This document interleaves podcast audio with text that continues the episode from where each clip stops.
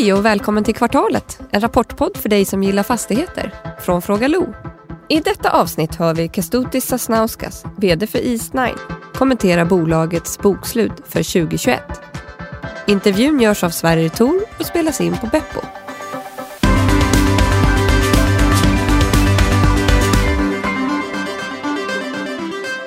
Då säger vi hej där hemma och välkomna tillbaka till kvartalet och välkommen tillbaka Kestutis Sasnauskas. Tack. Allt bra? Ja. Nöjd med rapporten? Ja, rapporten är eh, bra tycker jag. Vi har fantastisk utveckling vad gäller värdena. Vi har fantastisk utveckling i våra underliggande tillgångar som Mellon eh, och eh, fond nummer två har blivit exit på. Mm. Så det är väldigt många positiva nyheter. Mm. Det är klart att sista kvartalet, likadant som tredje kvartalet, har vi haft lite större emissionskostnader från obligationen. Vi har haft lite större vakanser som har tyngt vår förvaltningsresultat. Mm. Men det är lite bakom oss nu. Och med, framförallt med sista förvärvet så ser vi att uh, vi förbättrar vår intjäningsförmåga uh, och vi kan växa vidare. Mm. Jag har fått lite förhandsinfo av, av, om att Niklas är också positiv, men vi ska höra vad han säger. Okej. Okay. Ja, snabbanalysen av East 9. Här kan man se en riktigt stark rapport, drivet av omvärderingar och stigande utdelning. Aktiekursen går ju nästan 3 procentenheter bättre på rapportdagen och det är en fallande börs. Eh, så att eh, utan att sett någon tydlig förväntningsbild så är det här en klart positiv överraskning. Om vi tittar på värdedrivarna så är substansvärdet upp med lite drygt 21 procent i euro på helåret. Men med den svaga kronan som vi ser i dagsläget så ligger det på närmare 27 procent year over year. Riktigt bra siffra. Särskilt givet den rabattvärdering som vi har idag. Omvärderingen står för huvuddelen av resultatet och här bidrar ju lägre yield från förvaltningsbeståndet och positiva driftsnetton med cirka 3,4 procent högre fastighetsvärden på årsbasis och det är ju faktiskt lite lägre än vad vi har sett i, i övriga eh, noterade fastighetsbolag som kan vara ligga upp mot 7 procent i, i snitt på årsbasis. Sen så är det ju bidraget från bolagets investeringar då i, i Mellon Fashion Group-fonderna som ökar med cirka 40 procent på helåret och det är helt klart det som underbygger substanstillväxten. Förvaltningsresultatet är den svaga punkten i rapporten och den är ner 5% på årsbasis. Men det beror på en obligationsemission som spär ut eller som egentligen drar upp finansieringskostnader. Vi pratade om det redan under andra kvartalet. Så att den kommer ju att fortsätta kunna bidra positivt tills bolaget fyller på med förvärv och använder den här obligationen som man gett ut. Driftsnettot, om man, om man isolerar och tittar på den siffran, så är den upp på 10% på årsbasis. Bolaget har ju tidigare pratat om att de vill eh, bredda sig lite grann kring logistik och inte bara ha kontorsfastigheter. Men nu har man också beslutat sig att bredda sig in i den polska marknaden. Och det gäller både logistik och kontor. Det ska bli intressant att följa en marknad som faktiskt kännetecknas av bra tillväxt, djup i marknaden och lite högre gilder. Jag skulle gärna dessutom vilja höra Kristutis prata lite mer om en eventuell breddning mot bostäder på sikt. Det är ju ett fastighetsslag som, är, ja, som verkligen har förutsättningar att växa i Baltikum och, och eh, ett tillväxtslag som man definitivt har sett att yielden har kommit ner ordentligt i, i Norden. Aktien har gått lite svagt senaste månaden och det är ju ljuset av den börsoro som vi har sett. På slutet så kan man också koppla den lite grann till den svaga eller volatila eurobondmarknaden och efter ECBs lite mer högaktiga uttalanden som definitivt överraskat marknaden på nedsidan då, som har tryckt upp yielderna. Och, och, den starka hållbarhetsprofilen som bolaget har, låga skuldsättningen och tillväxtpotentialen är viktiga faktorer för bolaget framåt. Eh, sen så ska man inte förglömma Mellon Fashion Group. Hur ser potentialen och riskerna ut? Bolaget pratar ju fortfarande om, om potential kring notering första halvåret och jag skulle säga att, att det är en positiv överraskning att se det starka resultatet från Mellon Fashion Group och, och, och den konfidens som, som, eh, som bolaget har kring omvärderingen här. Särskilt i ljuset av den osäkerhet som vi ser i övrigt när det gäller den ryska marknaden. Baltikum är spännande och, och det, det, hjälper ju till att elda på East 9 och förutsättningar för East 9. Men det ska man också sätta i relation till att aktien handlas med, med en rabatt på cirka 24 procent till senast rapporterade substansvärde. Och det kan man ju lugnt säga att ta höjd för risker och inte prisar in någon tillväxtpotential i bolaget idag. Det var ju, som vi konstaterade förra gången, det var ju lite utmaningar i tredje kvartalet. Eh, du var inne på då ni hade gjort, gjorde en, en, en ganska stor obligationsemission till en affär som gick i, i stöpet. Och eh, de pengarna sitter ju på banken antar jag. Ja. Och kostar pengar snarare än, än ja, liksom. ja. Men eh, och det, det märks ju fortfarande. Effekten av det som, du- som du är inne på. Alltså tredje kvartalet leder ju till att ni har en lite sämre förvaltningsresultat. Absolut, men tittar man på, vi gjorde förvärvet eh, eh precis i sista, nästan sista december. Så att eh, inget av, dessa, eh, av detta syns eh, i våra böcker. Det kommer synas eh, från, från eh, Q1. Vi gjorde tre förvärv under förra året eh, totalt. Inte mycket kan man tycka. Eh, samtidigt så är det nästan 20 procents marknadsandel i förvärv på kontor i Baltikum. Mm. Eh, och eh, vi har köpt eh, tre av de fem fastigheter som skulle kunna vara intresserade av. Egentligen fyra utav skulle vi potentiellt vara intresserade av. Mm. Så att vi har gjort det vi kunnat och som jag ser så marknaden ser fortsatt väldigt stark ut. Vi har haft eh, negativ uthyrning eh, men vi kommer återigen från, från, från en ganska hög nivå eh, historiskt. Mm. Så att eh, det är väldigt svårt att nå över 95-97 procent som vi haft eh, kanske på vissa marknader. Så att man kan tycka att förvaltningsresultatet går mot strömmen om man tittar på andra rapporterande bolag. Men det är faktiskt eh, effekten utav att vi hade väldigt, väldigt eh, bra förut. Mm, Eh, mm. Och nu sker lite omflytt, vilket är också i och för sig är positivt för att vi ser faktiskt hyresutvecklingen uppåt och vi ser faktiskt väldigt stark uthyrning från vår sida. Så att vi kommer att, eh, eh, den negativa nettouthyrningen kommer nog eh, vända nu. Okej, okej. Sen har ni ju eh, de här vakanserna. Eh, alltså hur ser läget ut på uthyrningsmarknaden rent generellt i Baltikum? Det, de har ju, länderna har ju drabbats en, en del av, av pandemin.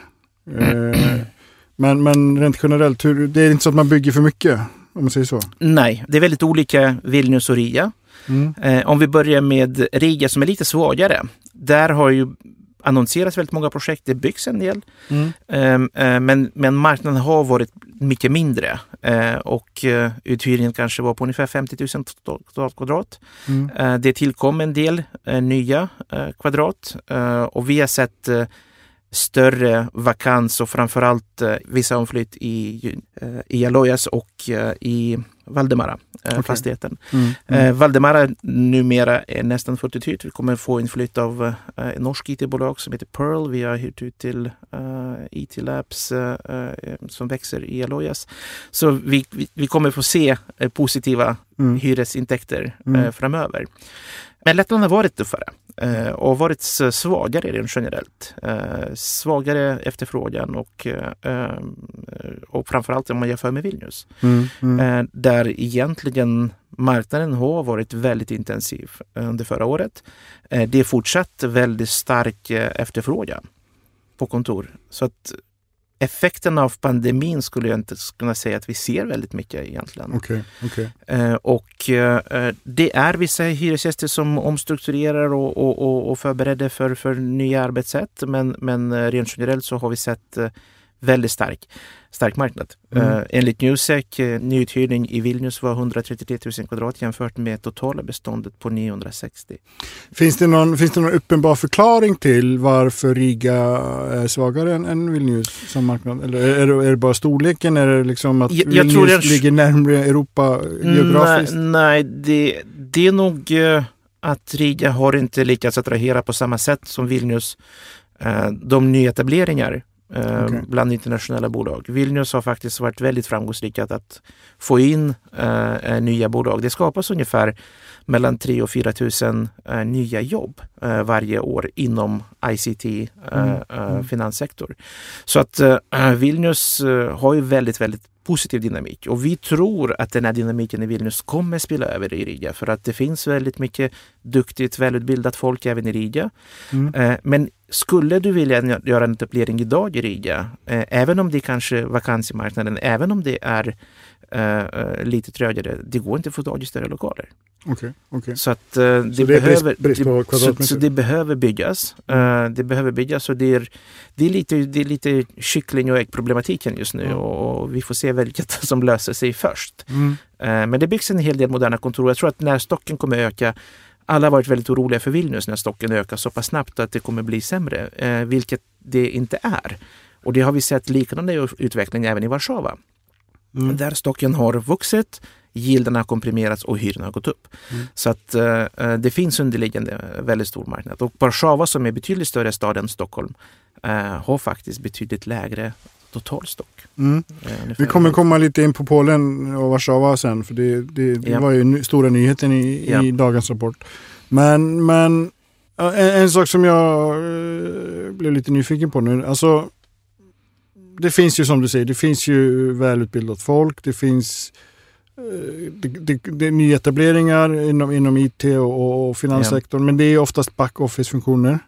När tror du att, att vi ser i, i Vilnius och Riga kostymnissar som springer runt i Stockholm och, och Frankfurt och sådana städer? När, när liksom tar man sig upp i hierarkin ett, ett steg till? Man växer i hierarkin och, och jag tror att man pratar om, eh, det började med relativt enkla office, eh, backoffice-jobb, eh, men de jobben blir mer och mer avancerade. Och tittar du på vår sista förvärv till exempel, så har vi fått in två nya hyresgäster eh, som är lite annorlunda sektorn. Till exempel Vinted som är eh, Europas största e-handelsplattform för eh, begagnade kläder och en av första baltiska enhörningar, eh, eller så kallade unicorns, eh, som eh, växer väldigt snabbt och utvecklas och blir ett europeiskt bolag. Mm.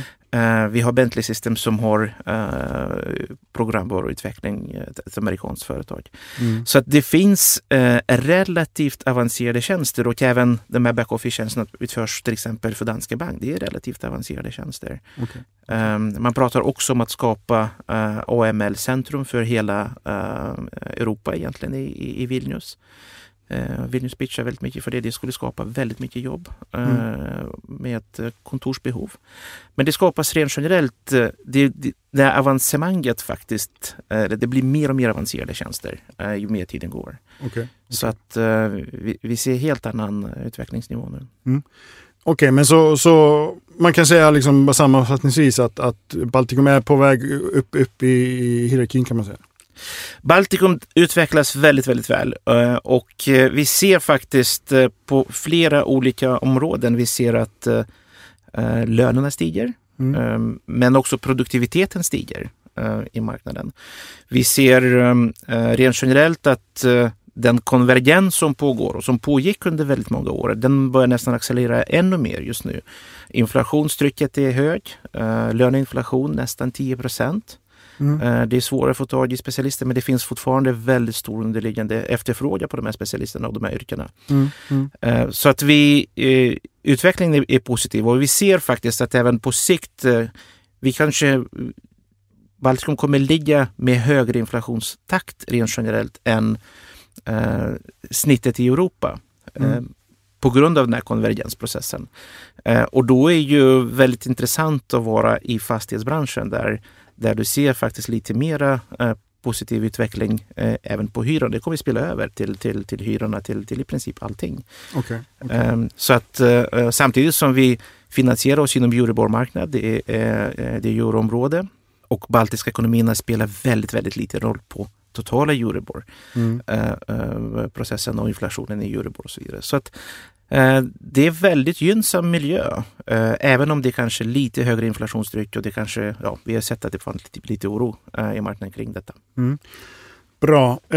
Det var en siffra i rapporten. Alla siffror ser ju som vanligt bra ut, men det var en siffra som jag hajade till på. Det var fastighetskostnaderna i fjärde kvartalet. Mm. Som ju stiger eh, ganska mycket. Ja, det finns en hel del engångseffekter i de här. Okay. Um, och Eh, delvis eh, vi ser, vi har haft eh, one-offs på grund av här uteblivna affärerna. Mm.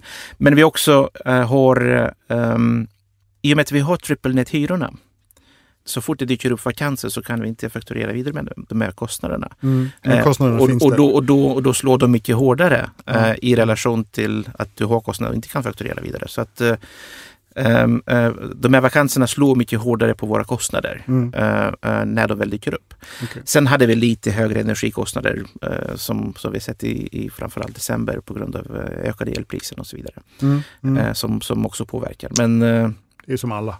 Ja. Bra. Du, det, ni kom ju med en nyhet förra året, förra sommaren va? Om att Mm. ni skulle gå in på logistikmarknaden. Ja, För den är också relevant för, för Polen diskussionen som vi ska ta sen. ja. Hur, hur går det? Har ni gjort några affärer i, Inte än. i Baltikum? Eh, inte än. Vi sa att vi breddar eh, vår investeringsområde så att vi tittar mycket bredare på, på logistik också. Eh, och eh, Polen kommer eh, som ny geografisk område och där kommer vi också titta på kontor och logistik. Mm. Så att vi breddar mycket mer egentligen vår, vår geografiska område. Anledningen till detta är egentligen flera.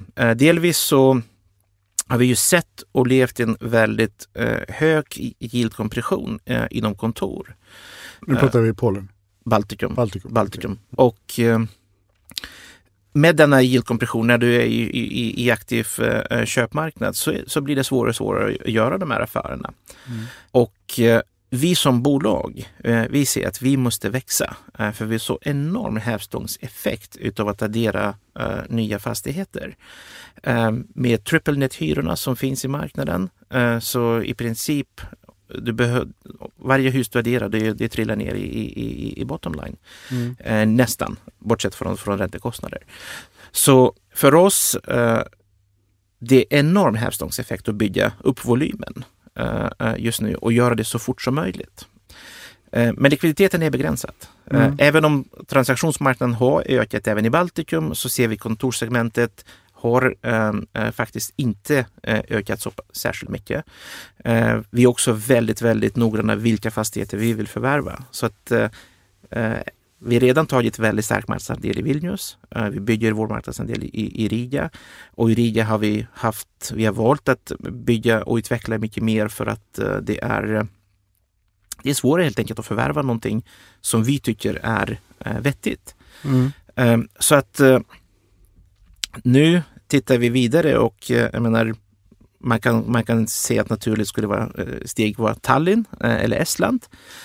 Men ska komma ihåg att Tallinn är 400 000 invånare. Det är mindre än sjätte eller sjunde största staden i Polen. Mm. Eh, Mm. och då börjar vi titta lite, lite grann mer på Polen och, och vad som finns där. Och, Mm. och när vi upptäcker att eh, Polen har faktiskt mycket mer diversifierad marknad, större marknad, mycket större likviditet, så öppnas nya möjligheter. Och, och jag menar etablera sig i Polen eller, eller, eller i, eh, i eh, Tallinn, det för oss är ju inte så stor skillnad. Det är olika. Ja, ja. Alltså Polen är ju, jag försöker räkna i huvudet här, EUs femte största land sett i Ja. befolkning. Eh, Europas nionde. Eh, Nästan 40 miljoner invånare. Ja, Ett stort land, alltså geografiskt. ja, Eh, Som du säger, det är, det är en hel del större städer. Det ja, man kan räkna Warszawa, Gdansk, eh, Katowice. Wroclaw, Ja. eh, Krakow. Precis. Ja. Det finns ju en, en hel, alltså städer över 200 000 invånare. Tre, 200 000 invånare. Över med. 500 000 invånare. Ja, Alla de här städerna som vi nämnde här. Och det är ett land som kanske har legat efter lite de lite mindre östeuropeiska länderna som, som Tjeckien och, och, Ja. och Slovakien vad gäller utvecklingen efter, efter att muren föll. Men det finns ju, alltså alla, allt man läser, all, allt man ser om Polen säger ju att det, det finns en enorm Det finns potential. enorm potential i Polen, absolut. Hur, hur liksom, om, om man tar bara utifrån er nuvarande balansräkning, ni har ju lite pengar som står på, på kontot, men alltså hur, hur, hur fort kan ni växa där? Hur, hur ska ni växa fort? Vi kan växa fort och eh, vi ser redan nu eh, ett antal väldigt intressanta förvärvsobjekt eh, som vi utvärderar. Och eh, på sikt eh, så vi har faktiskt en, en, en förvärvskapacitet eh, vidare, även om vi, eh, när vi kan vi, vi kan ta fram dem, eh, de här medlen som behövs. Så att eh, vi, vi ser faktiskt eh, väldigt stora möjligheter. Det som kanske är också väldigt intressant att yieldnivåerna i regionala städer även är väldigt, eh, idag lite högre än i, än i de baltiska huvudstäderna, framförallt i Vilnius. Okay. Med utvecklingspotential som är kanske till och med lite högre. Så att eh, summa summarum så ser vi egentligen väldigt attraktiva möjligheter där. Mm. Ehm, eh, och eh, samma vad gäller logistik, det är betydligt större. Jag menar, Amazon har 11 stora lagercentraler eh, eh, i Polen och det är väldigt många större företag som finns. Vi ser också en hel del samma hyresgäster i, i de fastigheterna som vi skulle vara intresserade att det är samma hyresgäster som vi har även i Vilnius. Mm. och då kan man jobba mycket mer som regional partner till dem. Mm. Har ni upparbetade kontakter? Absolut. Okay, okay. eh, formuleringen i, i både ditt vd-ord eller rubriken och, och, och i, i, sammanfattningen här är lite försiktig. Ni, ja. ni, ni utreder möjligheterna, ja. överväger att gå in i Polen. Men ja. det låter ju på dig som att ni nästan är där. det får vi se. när, när tror du att det blir liksom ett första förvärv? Kan det ske under 2022? Absolut. Okej. Okay. Kanske pratar om det nästa gång. Det hoppas jag. Ja, kul. kul. om, om man tittar på eh, nu, nu, jag, jag vet att det här är mer en ägarfråga, men du är faktiskt en av de större ägarna i bolaget så du kanske kan, kan tala som en ägare också. Men alltså, tror du att Polen kommer väga större i Eastnines portfölj framgent än vad Baltikum kommer göra? Ja, Polen är ju sex gånger större marknad. Mm. Uh, så det beror på lite på hur vi utvecklas. Uh, vår huvudmarknad har vi sagt fortfarande är Baltikum. Uh, men vi är också uh, East Nine står för East och Nine mm. och nio står för de nio länderna runt Östersjön. Okay. Så att på sikt så har vi ändå en strategi och ambition att, att vara regionalspelare. Så det skulle kunna vara Sverige, Tyskland också? Finland? Om några år, ja. Ja, Spännande. Nu, nu, bra, nu börjar vi snacka här tycker jag. var, var, har du varit med all, all den här infon för tidigare gången, Kestuti? Eh, fokus. ja, bra. Eh, apropå fokus, eh, Mellon Fashion Group. Ja. Nu, nu känns det som att det är nära. Under, kan till och med vara så att under första kvartalet så gör ni en exit, skriver, du, eller skriver ni i rapporten. Ja, nu är det ju bara halva kvartalet har gått redan. Halva kvartalet har gått. Eh, det är några månader kvar till sommaren och eh, Mellon har ju eh, visat fantastisk utveckling och fantastiska resultat. Det är klart, vi pratar om exit-möjlighet via börsnotering och som du vet så är det ju väldigt många andra faktorer som påverkar. Mm. Mm. Det är marknadsläge, det är rent generellt situation. Eh, och det är tyvärr den tillgången är i Ryssland mm. eh, och det finns en person som kan påverka väldigt mycket. Han heter Vladimir antar jag? Han heter Vladimir mm. eh, och eh, det är den spända geopolitiska lägen som kan egentligen sätta käppar i hjulen för, för planerna. Mm. Eh, men i övrigt så ser det väldigt ljust ut. Okej, okay, okay. och, och börs, börsspåret är huvudspåret just nu eller? Ja. Okej. Okay. Eventuell liksom likvid för den, det är pengar ni kommer då anta använda till, till att växa i Polen framförallt? Både Baltikum och Polen. Okay. Eh, vi kommer utvärdera de bästa möjligheterna egentligen. Eh, och ju, ju, ju, ju, mer du har att välja på så, mm. så väljer vi det som, som är bäst. Man ska komma ihåg att vi, för oss är ju också, vi vill inte göra enstaka förvärv. Vi vill se att vi kan bygga upp större hubbar, bygga upp verksamhet långsiktigt. Eh, så det kommer inte bli väldigt sporadiska köp här och där. Okay, eh, vi, vi, vi, kommer bygga, gå, gå, in och försöka bygga upp uh, positioner som vi byggt upp i Vilnius. Med, okay. Just nu är vi starkaste och största aktören inom kontorssegmentet. vi bygger liknande positioner i Riga och vi kommer bygga liknande positioner i, i de polska städerna. Kommer ni bygga positioner? Kommer ni liksom... Alltså bygga positioner menar jag förvärv. Ja, jo, jo, jag menar det, men ni, ni, kommer köpa, ni, ni satsar inte på projekt i, i Polen? Inte till att börja med. Okay fokus eh, alltid skapa kassaflödet och sen eh, antingen addera utvecklingsprojekt eller eh, ja. okay, okay. Men i Polen ser vi mycket mer eh, förvärvsmöjligheter av redan existerande fina kassaflödesfastigheter. Men det är, det är samma typ av, alltså det är moderna kontorsfastigheter? Det är moderna he, helt nya det, typ. det, det är bästa lägen. Uh, okay. Det är uh, internationella fina hyresgäster. Okej, okej. Mm. Bra, då har jag egentligen bara en fråga kvar och det är... Eh, nej, förlåt, jag har två frågor kvar. Det är eh, fonden. Eh, jag har tappat vad den heter. Baltic Property Fund nummer två. Precis, Sen, som också kommer avvecklas klart nu under, under första kvartalet, eller? Det är första klart, halvåret. ja. Allt är klart. Allt är klart. Allt är klart. Eh, fonden har eh, vi meddelat i januari att de har signat uh, försäljning för samtliga sina fastigheter. Den affären har stängt okay. eh, redan förrgår. Mm. Eh, och vi väntar egentligen bara på utbetalning. Så det är en administrativ hantering just nu som, som pengarna ska helt enkelt utbetalas till andelsägarna. Mm. Så där är, ser vi som klart. Eh, eh och de pengarna kommer återinvesteras. Mm. Bra, då är det sista frågan och det är en sån fråga som alla får det här kvartalet. Det gäller utdelningen. Ni, ni höjer utdelningen. Ja, Och jag, jag hajade till lite när jag såg det med tanke på, för jag fastnade lite i det här tredje kvartalet. mm. Men jag tolkar det som att ni, det är liksom en, en signal om att, att ni, ni ser ljus på framtiden no, mer än något annat. vi ser väldigt ljust på framtiden. Men jag tror det vad man missar lite grann eh, är att det är väldigt, väldigt starkt kassaflödes, underliggande kassaflöde i hela portföljen. Mm. Vi har förvaltningsresultat, men vi har fått även utdelningar som är lika stora som förvaltningsresultatet om du tar utdelningarna från Mellon och fonden. Mm. Till och med större eh, idag. Så att rent generellt, eh, kassaflödet ur hela portföljen är väldigt, väldigt stark. Mm. Toppen. Eh, Alltså nu, nu är jag eh, jättetaggad och, och liksom, att prata mer, men vi får inte göra det. Men Får vi fortsätta nästa vi får gång fortsätta kanske? nästa gång och då kanske vi kommer prata mer om Polen. Det hoppas jag. Och eventuellt så, nej. Eh, det tar vi lite längre fram.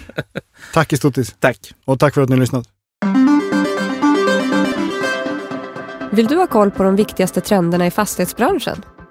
Lyssna på vår podcast Fastighetspanelen med Sveriges ledande rådgivare, där poddar finns.